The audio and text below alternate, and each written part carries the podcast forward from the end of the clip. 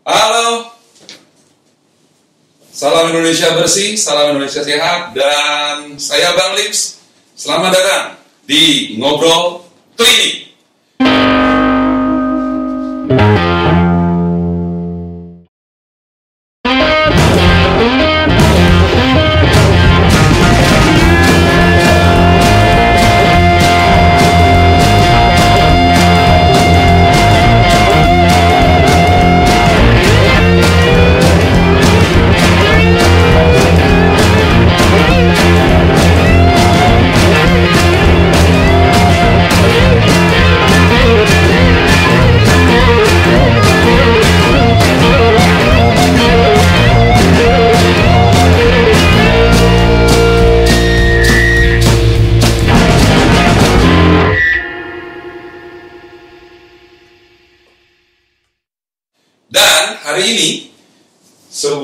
Pertemuan yang sangat luar biasa pada siang hari ini. Ini siang, mungkin Anda nontonnya nanti bisa malam, sore, subuh, ya, apa-apa. Yang penting kita ada di sini siang kan gitu.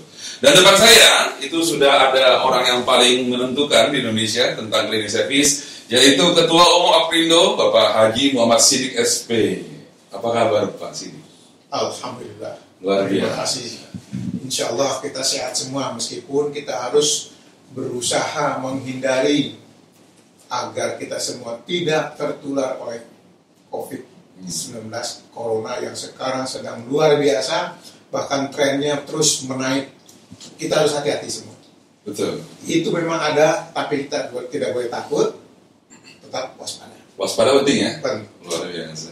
Baik, tapi kita hari ini nggak bicara-bicara bicara-bicara soal COVID karena informasi soal COVID itu sudah banyak banget di media-media sosial. Anda bisa baca di Google dan lain-lain. Di kesempatan berbahagia ini saya ya eh, ingin bertanya kepada Ketua Umum Apindo yaitu Bapak Haji Muhammad Sidik SP karena masih banyak orang yang belum tahu tentang Aprindo nih Pak.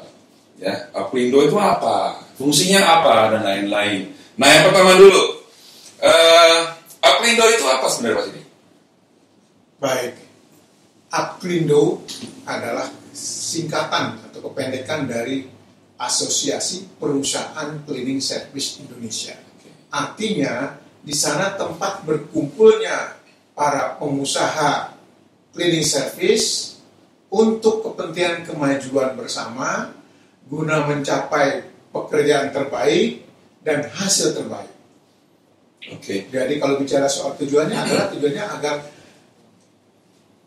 perusahaan-perusahaan cleaning service Indonesia punya nilai tawar, punya bargaining position, punya sesuatu yang bisa melakukan itu adalah karena kualitas, karena kemampuan, bukan karena kasihan. Sebab kan banyak juga nih kasih mau kerjaan cleaning ini kok kasih lah Hmm. Enggak, enggak gitu. Kita harus kompetisi dengan sehat, tentu dengan standar-standar yang sudah ada.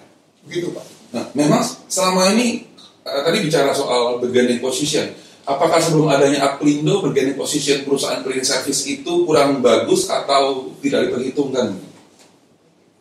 Faktanya bahwa Aplindo yang berdiri atau didirikan sejak tahun 1985 itu dilatar belakangi karena adanya kurang penghargaan terhadap pekerjaan klinik. Jadi pihak pemberi pekerjaan dengan seenaknya menentukan angka, menentukan menentukan orang, kemudian sebegitu gampangnya juga dia eh, menilai bahwa pekerjaan ini pekerjaan gampang kok, ngapain susah-susah. Hmm. Nah, dengan adanya asosiasi ini maka diharapkan ada nilai tawar karena kita melakukan pendidikan, melakukan sesuatu yang sesuai dengan standar klinik yang lazimnya sebagai sebuah perusahaan kalau perlu pak perusahaan itu menjadi perusahaan yang profesional. Tupoksinya apa aja tuh Pak Sidi? Tugas pokok dan fungsi asosiasi pertama itu pertama untuk berkumpulnya para pengusaha agar ada informasi dari masing-masing itu untuk kepentingan sesama anggota. Yang kedua adalah untuk memberikan pengetahuan tentang perkembangan dunia cleaning agar bisa mencapai sasaran lebih efisien. Umpamanya, kalau pada, zaman dulu orang bekerja dalam square meter umpamanya eh, satu orang bisa mengcover 350 meter square, Mhm. kenapa nggak 1000? Mungkin karena faktor pendidikan, karena faktor alat, karena faktor kecepatan kerja, karena keterlatihnya. Jika dulu kalau dulu mm, orang menggunakan teori 1000 meter tiga orang, Hmm. apa sekarang masih betul begitu? Saya kira tidak. Karena apa? Karena setiap perkembangan itu ada ada pergerakan. Nah itu menarik. Eh, apakah memang ada acuannya? Satu orang itu megang berapa meter persegi seharusnya dan lain-lain? Apakah ada? Atau Apindo membuat standar itu? Apindo sedang membuat. Bahkan harga per square meter lantai pun sudah dibuat. Tapi persoalan tidak bisa berlaku sebelum diberlakukan oleh lembaga resmi negara, yaitu Kementerian Pekerjaan Umum, Oke. Pekerjaan Umum atau sekarang disebut dengan PUPR. Apa yang membuat PUPR itu tidak bisa mensahkan? Ya, tentu banyak faktor. Pertama, kita sudah mengajukan. Kedua, dia tentu harus melakukan kajian-kajian. Kemudian harus melakukan seminar. Dan mungkin karena kita kurang lobby, sehingga itu berhenti. Mestinya ada, ada kita mendorong terus agar itu tetap berjalan. Setelah PUPR mengeluarkan mensahkan, baru itu dibawa ke Bapenas.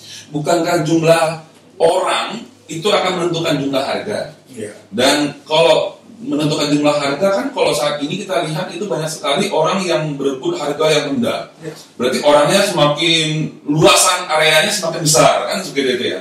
Kalau begitu sebenarnya luasan per meter persegi itu adalah alat jualannya perusahaan cleaning service dong. Persis. Sebab eh, kita bagaimanapun juga masih menggunakan tenaga kerja yang banyak, seperti padat karya, di mana mesin menjadi alat bantu, Hmm. bukan menjadi utama. Saya nggak tahu perkembangannya kemudian nanti kalau sudah pada tingkat teknologi yang tinggi, di mana mesin menjadi utama, orang menjadi nomor sekian. Hmm. Jadi kalau sekarang umpamanya makin banyak orang, pasti makin mahal. Kalau luasan areanya disamakan udah nggak ada persaingan lagi dong. Seharusnya begitu. Tinggal persaingannya ada di tingkat pelayanan. Siapa yang bisa memberikan pelayanan terbaik, hasil terbaik, kemudian tentu saja lebih cepat pemberian pelayanannya itu yang yang akan terjadi. Oke. Mungkin sama-sama jualan bakso, tapi ada bakso yang rasanya seperti ini. Oh, kualitas ya. Kualitas. Ber- ber- berbedanya di kualitasnya. ya. Sama-sama sama bakso. Tapi orang kenapa bikin- bi- beli bakso di tempat yang sama? Karena ternyata ada rasa yang berbeda. Nah, ini menarik Pak Sedik. Eh, bagaimana kalau seandainya em, se berapa sih sekarang anggota Pindo tuh?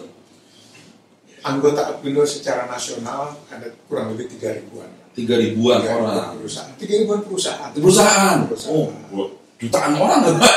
orang kalau di Jakarta aja bisa dihitung Luar umpamanya biasa. dengan seribu perusahaan eh, atau satu perusahaan 500 aja sudah Mhm. satu setengah juta di Jakarta. Oke. Nah itu kalau seandainya antar saat A, si A dan si B perusahaan cleaning service ada tender kemudian ribut itu bisa laporan ke Apindo juga.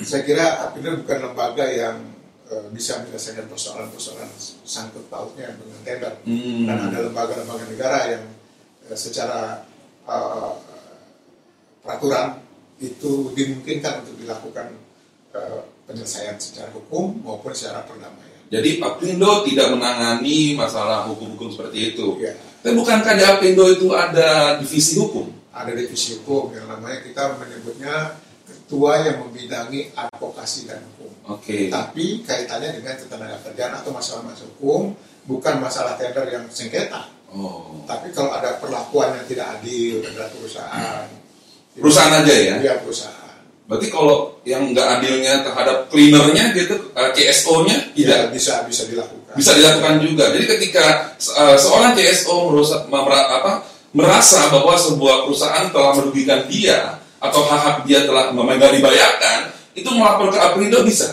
Ya, bisa kita lakukan mediasi untuk kepentingan. Oke, yes. Sekarang Baik, ya. usul dulu. Yes. Minum dulu. Oh silakan. Wah ini seru. Kita bicara sama ketua Pindo ini luar biasa. Dan beliau ini adalah pesilat. Jadi beliau ini umurnya berapa? 35 sekarang? Baru 65. Baru 65 luar biasa.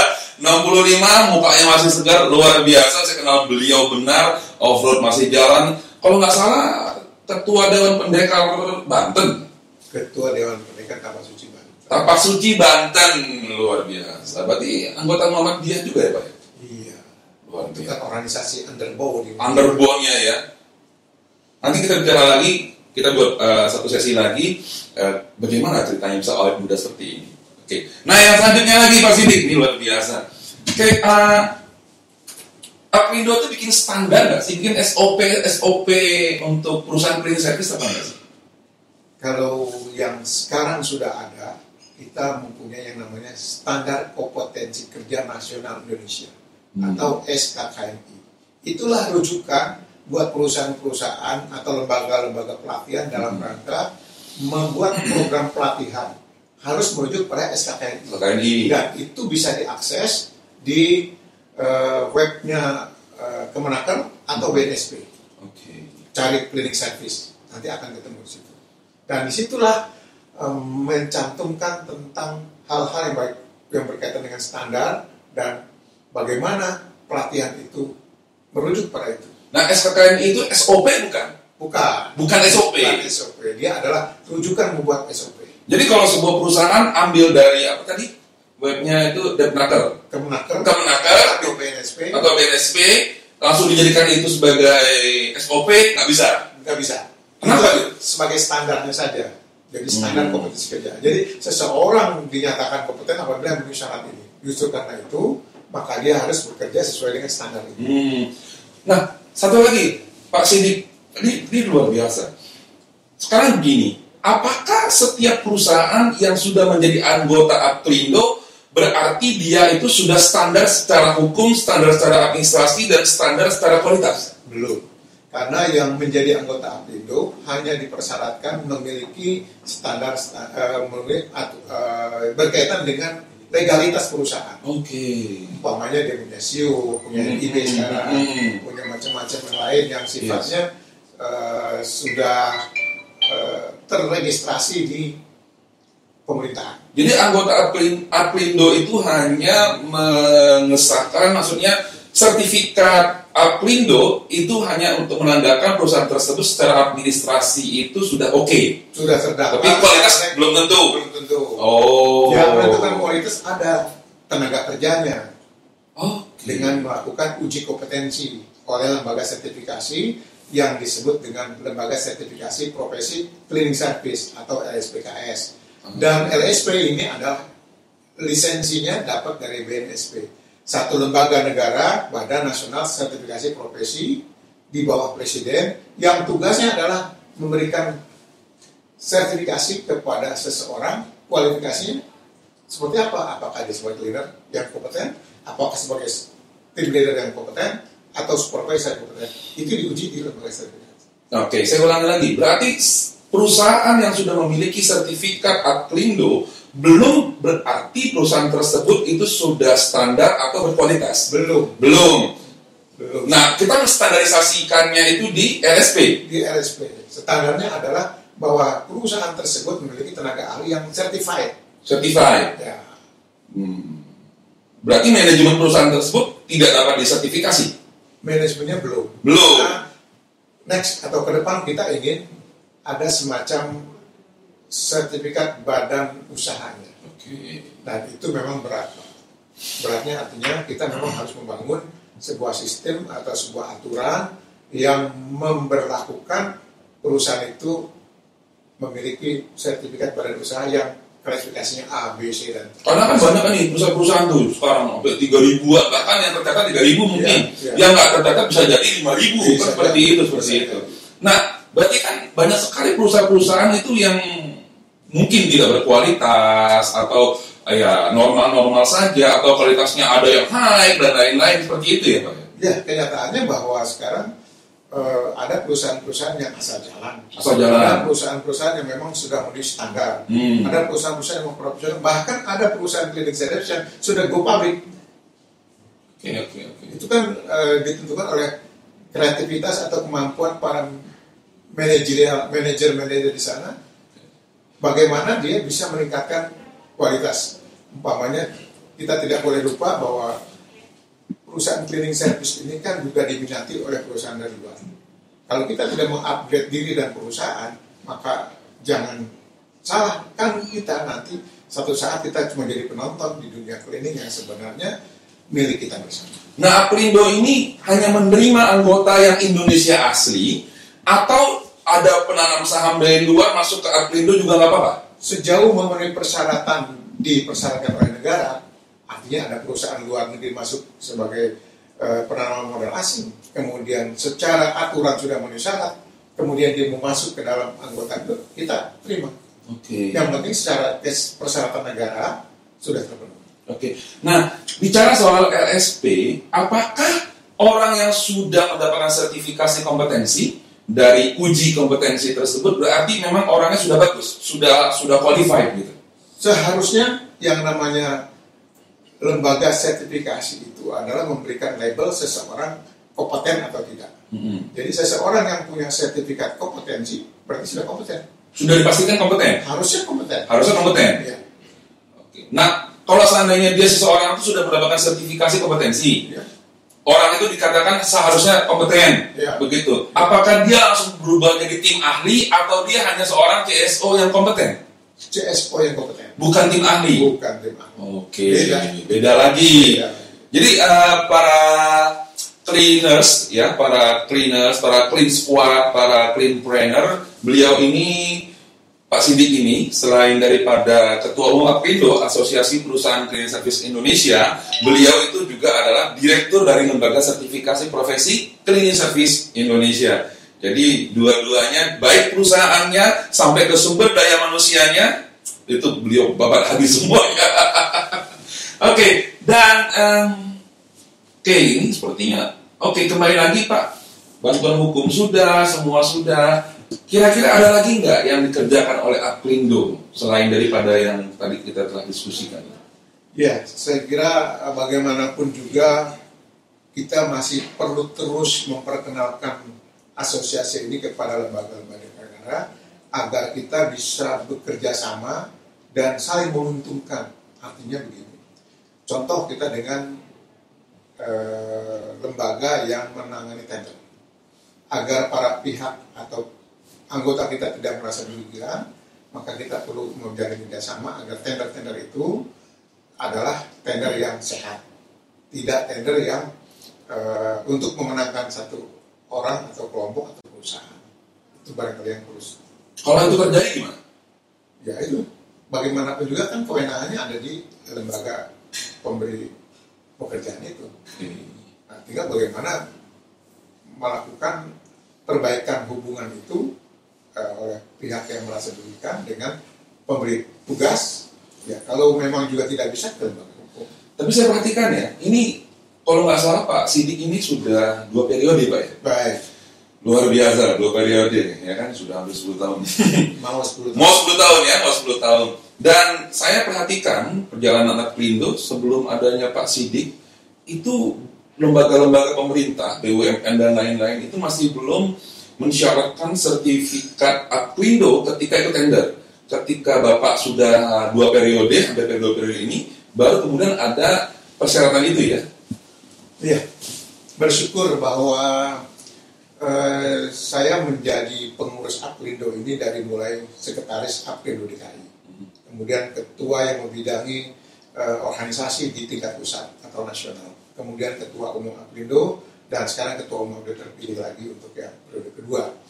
Secara se- sejarah perjalanannya bahwa memang periode saya sebagai ketua yang bidang organisasi lah eh, Aprindo sudah mulai kita perkenalkan di pemerintahan termasuk di dalamnya adalah kita berusaha membuat SKKNI tadi Hmm. bekerja sama dengan Kementerian Tenaga Kerja dan sejak itulah kita mulai dikenal oleh lembaga-lembaga negara untuk mempersyaratkan salah satunya adalah apabila ingin ikut tender harus memiliki sebagai anggota Aprindo sebagai salah satu syarat. Kenapa? Karena kita sudah membangun hubungan dan itu barangkali salah satu yang eh, sudah dibangun atau berhasil dibangun oleh periode-periode di bawah kepemimpinan saya. Dan kalau nggak salah sudah terkenal sampai mancanegara ya. Betul, betul dan satu hal yang juga me- me- mengembirakan di periode kepengurusan lah kita menyelenggarakan yang namanya Expo Clean, Oke. sebuah penyelenggaraan kegiatan pameran industri cleaning internasional bahkan untuk yang ketujuh kali yang tertunda harusnya Juli kemarin karena ada pandemi maka kita geser ke tahun 2021. Wow.